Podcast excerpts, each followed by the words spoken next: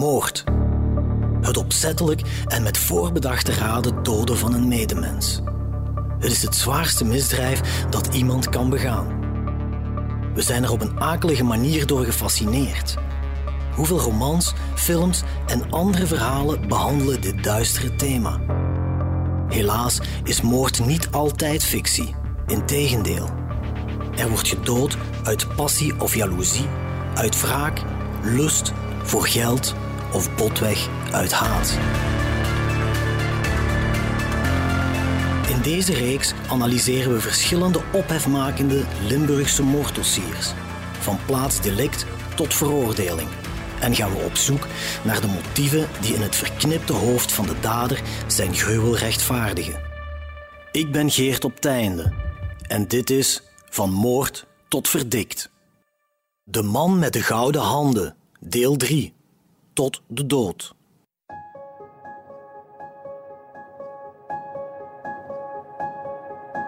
Ik ben Anne van de Steen, destijds samen met uh, meester Karen van Driessen en ook uh, Robert Stas, waren wij toen advocaat van Stefan Pigneux. Mijn eerste ontmoeting met Stefan ehm, dat was een, een, een heel aimabel man. Hoe, dat, hoe raar dat ook is, uiteindelijk moet je hem loszien van de feiten waarvoor hij uiteindelijk is veroordeeld. Ehm, heel voornaam man, hè. ja, toch vrij intelligent, ehm, heel beleefd, heel hoffelijk. Stefan verzorgt zich ook goed. Effectief kan ik altijd vaststellen dat, dat Stefan altijd, zelfs met zijn gevangeniskledij, toch altijd zeker ja, modieus iemand was. Want je kunt je gevangenisvestje aandoen, maar het kolkenrecht enzovoort. Dus dat was altijd toch wel uh, kei netjes. Dus ja, zeer vriendelijk man. Wanneer Stefan over zijn echtgenoten sprak, was dat helemaal niet negatief. Dus hij heeft nooit iets negatiefs over Brigitte gezegd. Nooit. Het was zoals van, kijk, het is, het is gebeurd. Um, maar hij sprak over, over Brigitte um, alsof dat, dat, dat hij niet gedaan had. Zo, zo zo'n beetje van, uh, er is iets gebeurd waar... Wat zegt hem, dat weet ik niet, want ja, wij wisten het ook niet, vonden het zo bizar. Hij sprak alsof dat de feiten dat dat een andere Stefan was, dat hij gedaan had. Maar ik kan niet zeggen dat, uh, dat Stefan ooit negatief is geweest over, uh, over zijn echtgenoot. Stefan Pigneux, een hoffelijke, vriendelijke man die nooit ook maar één negatief woord sprak over zijn vrouw Brigitte Beks. Het klinkt op zijn zachtst gezegd bevreemdend, nu we weten dat diezelfde man zijn echtgenote koudweg doodsloeg met een halter, omdat hij gevrongen zat met zijn homoseksuele geaardheid.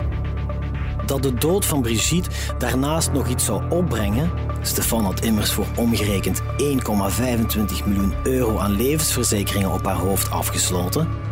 Dat was mooi meegenomen, vertelt zijn advocate Anne van de Steen. Ja, gans dat verzekeringsverhaal. Het was vooral, ja, hij wou duidelijk onder het juk van, van, van de ideale schoonzoon te zijn, de, ideale man en, en, en, uh, uh, en uiteindelijk ja, met zijn kunnen uitkomen voor het feit dat hij homo was. Um, maar dan toch die klik gemaakt van... De dood moet mij iets opbrengen, zei hij.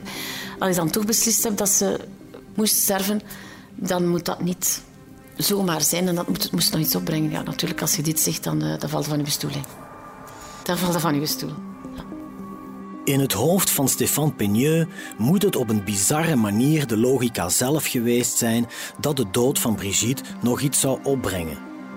Die haast onbedwingbare hang naar geld werd volgens Van de Steen al gevormd in zijn jeugd. Brigitte en Stefan waren uh, harde werkers, hè, uh, waarbij geld grote rol speelde. Maar ik denk dat het ook wel een beetje te maken heeft met zijn opvoeding. Ik denk dat de ouders Peigneux, zeker La Mama, eh, geen evidente was. Um, de papa was een zeer eenvoudig man. Als je de papa en de mama uh, van, van Stefan zegt, uh, de man was zo'n halve diva, zo bij wijze van spreken. Uh, heel dramatisch. De man was zeer, zeer, zeer eenvoudig, vader Pigneux. Moest je die papa zien met zijn, zijn gewone sloefen aan enzovoort. En la mama was ja, zo'n beetje la traviata. Hè. Het, het, het, geldelijke aspect ook, dat dat wel vooral ehm, een beetje met de paplepel is eh, ingegeven door, uh, vooral denk ik door de mama. Nu, het waren alle twee strevertjes, zowel Brigitte als hij. mooi huis, twee grote zaken Dus waar wij ze allebei enorm dat, dat er willen zijn in de maatschappij en, en, en werken, werken, werken, werken, werken.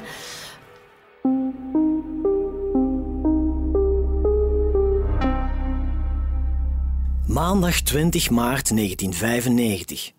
De intussen 38-jarige Stefan Pigneux staat vanaf vandaag terecht voor Assise in Tongeren. De moord op Brigitte, nu twee jaar geleden, is nog lang niet verteerd. En de belangstelling voor het proces Pigneux is dan ook groot, vertelt toenmalig hoofdbrigadier van de Tongerse gemeentepolitie Guy Duchateau. Het assiseproces leefde toch wel fel in Tongeren. Hè? Was een bekende juwelier in Tongeren. Op het moment dat de feiten gebeurden, was hij ook een van de enige goudsmeden in Tongeren die zelf juwelen maakten.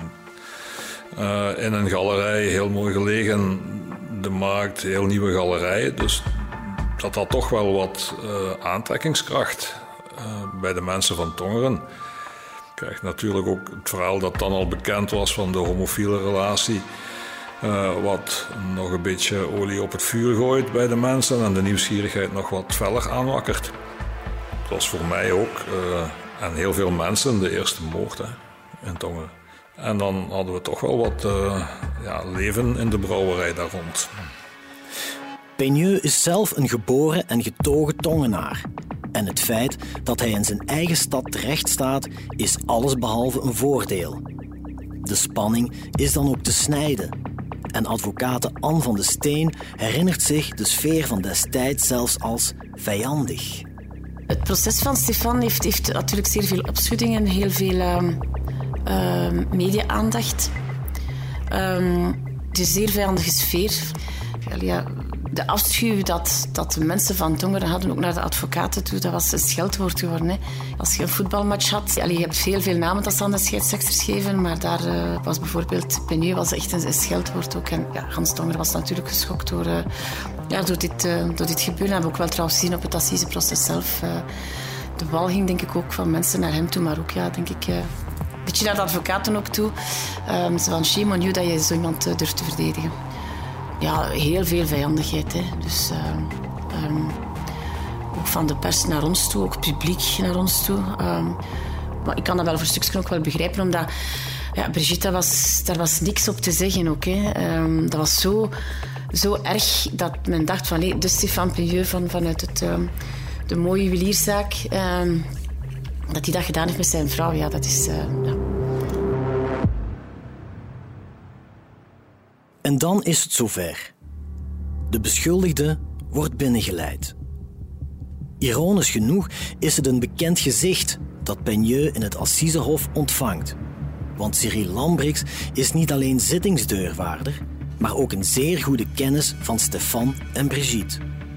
Toen we begonnen met het assiseproces, die morgen stond ik in de dienstgang gelijk altijd te wachten op de, op de rijkswachters. Uh, die Stefan vanuit de, de cellencomplex hier in, in, uh, naar boven brachten. Dat was dan altijd een begroeting. Hè. Rijkswachters, ze kenden ze allemaal. Hè. En de jongens. En, ja, die, geeft die Rijkswachters een hand. Hè. Een goede dag te zeggen. En Peigneux, die was er ook. Maar Peigneux kende mij en ik kende Peigneux. En Peigneux stak zijn hand ook uit. Hè. Dag Cyril, want hij kende me. Ik zeg, dag Stefan. Zeg, en nu? Ja, ja, ja. En dat was het. Hij is dan de box ingegaan. En uh, ja, hij zat met zijn hoofd tussen zijn benen. Hè. Durfde niet opkijken. Ja. Een beetje ook wat beschaamd, denk ik. Hè. Ik weet het niet. Peigneux krijgt als eerste het woord. Tijdens het verhoor door assisevoorzitter Van Hoes neemt hij meteen alle schuld op zich. Hij zegt dat hij verschrikkelijk veel spijt heeft van wat hij heeft gedaan. Stefan beschrijft zichzelf als een getormenteerde man, wiens hele leven één lang gevecht was tegen zijn homoseksuele geaardheid, die hij zelf weigerde te aanvaarden. Zittingsdeurwaarder Cyril Lambrix volgt de getuigenis mee van op de eerste rij. Voorzitter van Hoes was een heel vaderlijk figuur. Altijd zacht uh, in, zijn, in zijn vragen stellen. En, dat uh, kalmeerde denk ik ook wel een beetje Peigneux. hij kwam met horten en stoten uit zijn kot, ik zal het zo maar zeggen, hè, op de vragen van, van voorzitter Van Hoes. En Stefan begon te vertellen hè, hoe het gebeurd was en waarom. En ja, hoe moet ik het zeggen?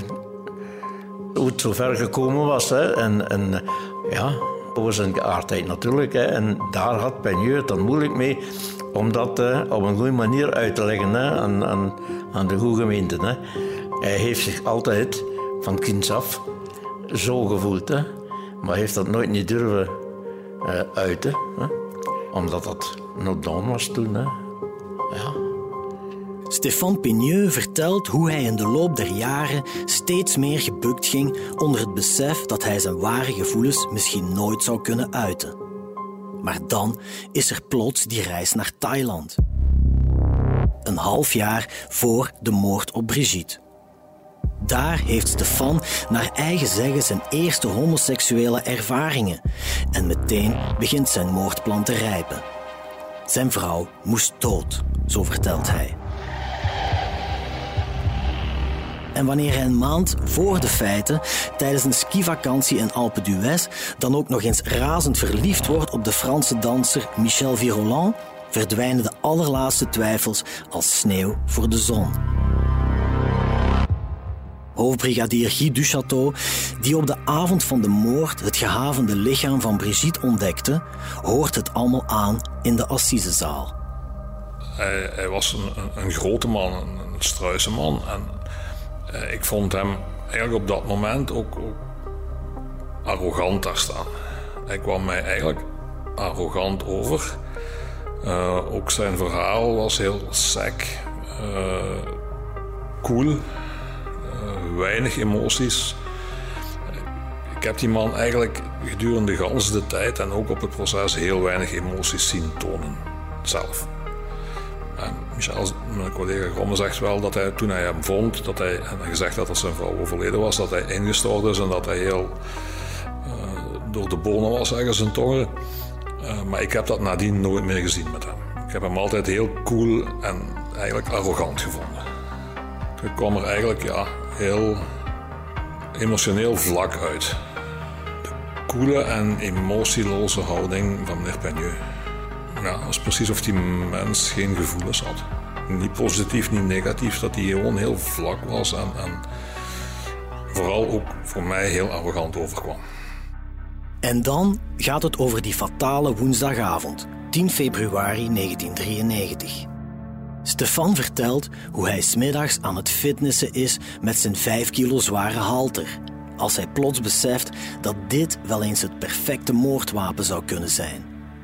Het lugubere idee vervliegt al snel, maar s'avonds, tijdens het eten, steekt het weer de kop op. Ik verkeerde in een toestand van spanning en gedrevenheid, vertelt Stefan met monotone stem.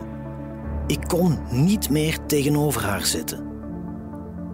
Na de maaltijd doet Brigitte de afwas in de keuken. Ik ging de tv aanzetten, zegt Stefan. En terwijl ik dat deed, zag ik in de living mijn halter liggen. Ik wilde niet, en toch werd ik ertoe gedreven. Ik heb Brigitte nog aangesproken in de hoop dat ze zich zou omdraaien en dat ze mij zou aankijken. Maar dat deed ze niet, helaas. Peigneux slaat zijn vrouw eerst keihard in de nek. En dan, als ze valt, slaat hij haar nog eens op het achterhoofd. De halter waarmee de fatale slagen werden toegebracht, ligt nu in de assisezaal, vlakbij Cyril Lambrix. Ik heb tijdens het assiseproces meermaals die halter in mijn handen gehad. Maar uh, de haren kwamen omhoog staan op mijn armen. Als je zoiets vastpakt, dat moet een enorme impact geweest zijn. Hè. Uh, als je met zoiets volle kracht van achter in je nek krijgt en op je hoofd, uh, dat moet verschrikkelijk geweest zijn. Hè. En ja, de wetdokter, die zei, die vrouw heeft nog geleefd gehad, een paar minuten. Dan, dan, ja, dan krijg je rillingen daarvan. Hè. Elke keer dat de voorzitter op de assise me zei, toont en een keer uh, aan de getuige en laat dat een keer zien. Ja, dan moest ik elke keer die halder gaan ophalen hè, met overtuigingsstukken en, en, aan de getuige laten zien. En, ja, uh, het was mijn beste dag niet, hè. Want, ja. Als goede kennis Cyril al rillingen krijgt bij het zien van het moordwapen, wat moet er dan wel door Robert Bex, de vader van Brigitte, heen gaan? De tweede procesdag komt hij als een gebroken man getuigen hoe Peigneux alles van hem heeft afgenomen. En dan vraagt uitgerekend diezelfde man, vader Bex, om vergiffenis. Zo herinnert Cyril Lambrix zich. Het meest aangrijpende moment in, in heel dat assiseproces was de getuigenis van vader Bex. Uh, dat, dat was uh, triestig en intristig was dat. Hè. Want uh, die man was, ook zijn vrouw die was ziek geworden, hart aan haar hart en zo. En we hebben hem met alle middelen die we toen bezaten goed opgevangen. En ik heb hem dan aan het getuigentafeltje gebracht. En ik heb de gewoonte alle getuigen in doog te houden. En ik zag dat meneer Bex het niet ging halen. Die begon op zijn benen te beven. En uh, toen uh, om vergiffenis vroeg, heeft vader Bex gezegd: Nooit vergeef ik dat, nooit vergeef ik dat ik hem alles afgenomen heb.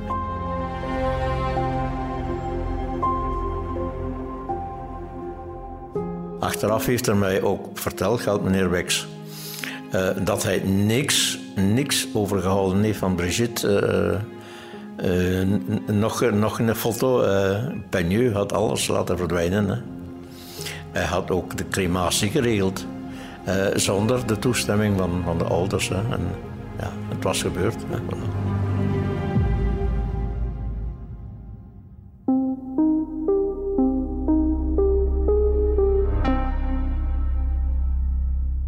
Dag 3 van het proces Peigneux. Vandaag wordt een getuige verwacht waar heel Tongeren naar uitkijkt. Michel Viroland, de 38-jarige Franse minnaar van Stefan, die door het toegeven van zijn relatie met de juwelier Peigneux tot bekentenissen dwong. Al weken voor het proces van start gaat, wordt er volop gespeculeerd. Komt Viroland of komt hij niet? Ik weet dat bij Netje, hier tegenover het café, dat daar gewet werd. Hè. Uh, uh, gaat hij komen of gaat hij niet komen? Hè? En ik stond boven aan het venster, op het balkon. Ik had een, een positie dat ik alles goed zag en overzag. En ik zag hem aankomen met een zwarte auto. En, uh, en hij kwam daaruit met een lange leren jas aan. En, een mooie, moet zeggen, een mooie, mooie zwarte man. Ja. En ja, ik moet zeggen, hij mocht gezien worden, inderdaad. Hij was ook danser geweest met zangeres Dalida. Maar hij, hij, was nors, uh, nogal stug. En ik moest hem hierboven uh, opvangen. En ik heb hem dan naar uh, het getuigenlokaal begeleid. En uh, een beetje met hem gebabbeld hoe het ging verlopen, in het Frans natuurlijk. En, de voorzitter van Hoes, een kalme mens, die, die, die eh, begon dan uh, met mondjesmaat en, ja, maar het was niet, uh, was niet de man om zijn geheimjes op tafel te leggen. Hè. daar kwam niet veel uit. Als de voorzitter iets vroeg, was het wie uno. Hè. En, de rest kon je erbij schrijven. Hè. Zo was dat. Hè. Had ook geen blik, maar geen enkele blik naar, naar Peigneux toe. Hè. Niks niet. Het waren vreemden voor elkaar geworden. Hè. En hij vroeg zich af waarom hij hier moest komen staan. Hè. Als getuige dus. Ja. En die virolo, ik denk als hij nog leeft, ik weet het niet, uh, die uh, zal wel meer van het spel geweten hebben dan dat hij heeft verteld hier. 23 maart 1995, vijf uur in de namiddag. Het assiseproces van Stéphane Peigneux is vier dagen ver. En de acht mannen en vier vrouwen van de Tongerse jury trekken zich terug voor de beraadslaging over de schuldvraag. Net daarvoor heeft Peigneux nog even het woord gekregen. Ik ben schuldig en ik voel mij schuldig, had hij gezegd. Iets wat de jury duidelijk ter harte neemt. Want nog geen uur nadat de twaalf zich hadden teruggetrokken, hebben ze hun verdict al klaar. Ook de beraadslaging over de strafmaat een dag later is zeer snel beklonken. En de uitspraak die dan volgt bezorgt zowel Cyril Lambrechts als Anne van de Steen koude rillingen. De dag van de beraadslaging voor de strafmaat. Penu heeft zijn laatste woord gekregen. Hij heeft dan gezegd dat, het, dat hij daar spijt van had. Dat er veel van Brigitte geholpen heeft en nog hield. Eh, dat hij de tijd niet meer kon terugdraaien. En hij is dan neergezonken in zijn stoel. En heeft niks meer gezegd. Dan hebben ze hem weggeleid. De jury is in beraadslaging gegaan. En dat heeft een klein uurtje geduurd. En bij het terugkomen heeft Peigneux zijn, straf aanhoord hè, van de voorzitter. Toen ik het woord doodstraf hoorde, ging er toch een koude rilling over mijn rug. Hè. Uh, moet beseffen, een doodstraf is ja, hier in België. Hè. Ja, ik krijg dan nog uh, de omdat ik die mens goed gekend heb. Hè. Het was de laatste ook, de laatste doodstraf uitgesproken. Hè. Ja. En dan werd dat nog geafficheerd uh, aan het stadhuis, de doodstraf. Hè. En ja, de koos was af voor hem. Hè. De doodstraf voor mij is zo echt het... Uh, dat is zo... Um, zelfs voor de zwaarste misdrijven, ik meen dat... Um, dan vind ik dat een, een, zo'n onmenselijke straf. Um, we hebben zo lang gestreden om, om die af te schaffen. Um, omdat in elke mens zit toch wel iets goed. En is er toch wel een, een context dat je moet geven. Uh, en ja, Stefan had ook een blanco strafblad. Uh, heeft altijd, is de perfecte burger geweest natuurlijk. Op het moment dat hij die zeer zware feiten opleegt, dan dacht ik van kijk... Um, qua strafuitvoering komt het op hetzelfde neer. Maar de ter dood veroordeling is, uh, is natuurlijk het, het, het, ergste dat je kunt, ja, dat je kunt voorstellen. Stefan Peigneux krijgt dus de twijfelachtige eer om als laatste Belg tot de dood te worden veroordeeld. Ook al wordt de doodstraf al lang niet meer uitgevoerd, maar omgezet in levenslange dwangarbeid. Wie ook in de zaal zit als Peigneux zijn straf aanhoort, is Nico Sielissen, toenmalig hoofd van de sectie moorden van de gerechtelijke politie. Mede dankzij het werk van zijn team is de man met de gouden handen nu veroordeeld. Maar ook Nico heeft een dubbel gevoel bij de zonnet uitgesproken doodstraf. Als ze gezegd hadden levenslang, is dat resultaat hetzelfde. Dus dat men dat, die doodstraf heeft afgeschaft, dat vind ik niet slechter. Ik zie niet uh, waarom dat zou moeten bestaan als het ten eerste niet wordt uitgevoerd en de tweede toch wel een onmenselijke daad zou zijn. Dat is mijn idee daarover. Alle bewijzen lagen op tafel. Alle gegevens waren bekend. Het was in feite een duidelijk verhaal. Het enige wat mij al, altijd gefrappeerd heeft, is hoe dat die kerel dat heeft kunnen doen. Door zijn vrouw daar in de keuken tijdens het afwassen gewoon met een halter af te klappen. Dat was dus echt, ja, dat moet je toch wel kunnen. Je kunt motieven hebben en al wat je maar je eigen vrouw daar in de rug, daar staat je dan wel bij stil bij zo'n dingen. Achteraf hebben we ook met de ouders van Brigitte gesproken en zo. Ja, dan, dan krijg je toch wel een beetje die. Niet een band dat dat blijvend is, maar op dat ogenblik heb je een band met die mensen. En vraag je ook af, waarom moet dat nu? Dus gelijk die mensen denken dan blijf je er wel eens bij stilstaan. Maar uiteindelijk, ja, je onderzoek is af en dan, ja, dan zeg je, ze is opgelost, dat is het belangrijkste.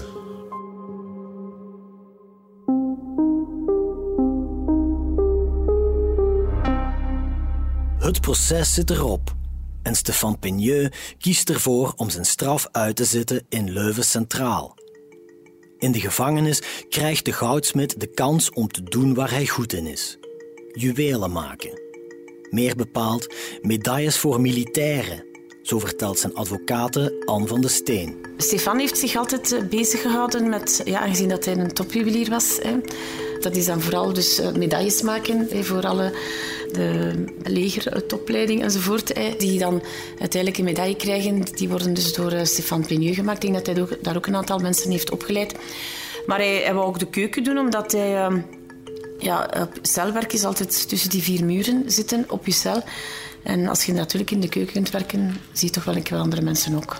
Ik denk dat Stefan uh, vrij geïsoleerd uh, leeft. Uh, zijn mama en zijn papa die zijn dus gestorven, dat weet ik. Uh, buiten zijn zus heeft Stefan niemand niet. Ehm, ik weet niet of dat de vriend uit Parijs of dat hij daar nog contact mee heeft. Dat natuurlijk ook lang geleden. Dat is ook al 27 jaar dat daar de relaties zijn. Ehm, maar ik denk dat hij vrij geïsoleerd leeft en weinig vrienden heeft en familie. De jaren verstrijken en in de Tongerse cafés ruimt de juweliersmoord plaats voor nieuwe toogverhalen. Bij de jongere generaties gaat nauwelijks nog een belletje rinkelen wanneer ze de naam van Stefan Peigneux horen. Tot 18 oktober 2012. Die dag wordt een zekere Jeff Mertes door de Braziliaanse politie staande gehouden op de luchthaven van Macapá, Noord-Brazilië. De reden?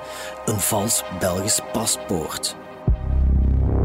Wanneer de vingerafdrukken van de man worden doorgespeeld aan de Belgische autoriteiten, krijgt de luchthavenpolitie al snel de echte naam van de arrestant te horen. Chef Mertens is Stéphane Peigneux. Hoe kan dat? Wel, drie weken eerder, op 25 september 2012, keert Peigneux, die op dat moment al bijna 20 jaar in de cel zit en die aan zijn reclassering werkt, niet terug uit penitentiair verlof. In plaats daarvan neemt hij de benen naar Brazilië. Maar daar vliegt hij nu dus opnieuw achter de tralies, in afwachting van zijn uitlevering aan België. Dat laatste gebeurt op 8 mei 2015. En sindsdien zit Peigneux weer in zijn cel in Leuven Centraal. De kans dat hij nog vervroegd zal vrijkomen lijkt door zijn vlucht herleid te zijn tot nul. En dat, zo vindt zijn advocate Anne van de Steen, is niet terecht. Gevangenen hebben het recht om te vluchten, hè? maar heeft, is niet, heeft niemand gewond, is gewoon niet teruggekeerd. En dan vind ik dat je moet uh, niet vanaf nul beginnen.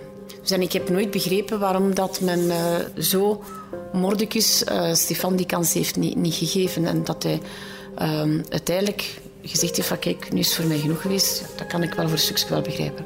Ik vind ook dat je in het gevangeniswezen moet blijven investeren in mensen. Dat is een hele belangrijke. Ehm, want anders uiteindelijk kunnen ze allemaal in de vergeetput steken en kunnen ze inderdaad in de, de dodencel gaan zitten, zoals in Amerika. Oké, Stefan heeft die kans gegrepen. Heeft daar geen, geen, geen slachtoffers gemaakt. Um, en, uh, en het is niet zo dat hij na twee jaar was, want hij zat toen al heel lang.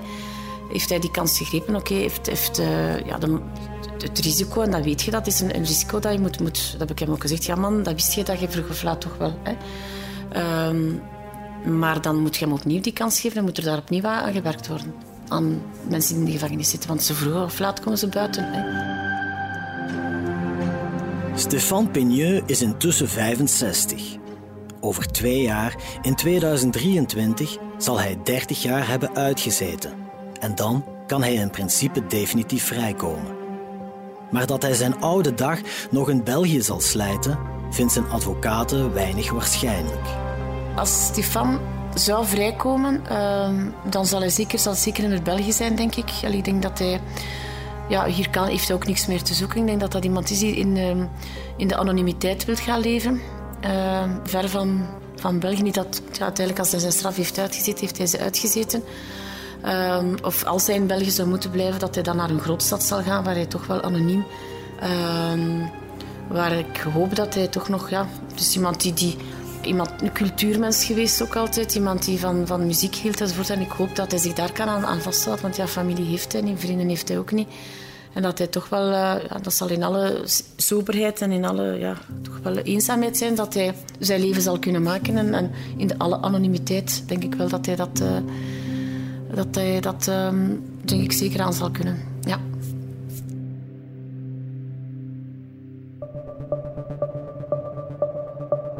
U luisterde naar Van Moord tot Verdikt, een true crime reeks van HBVL Podcast. Samenstelling door Geert op Teinde, Nancy van de Broek, Philippe Perges en coördinator Cato Poelmans. Montage en audioproductie door Wart Houbrechts. Chef podcast is Geert Nies. Reageren? Dat kan via podcast@hetbelangvanlimburg.be.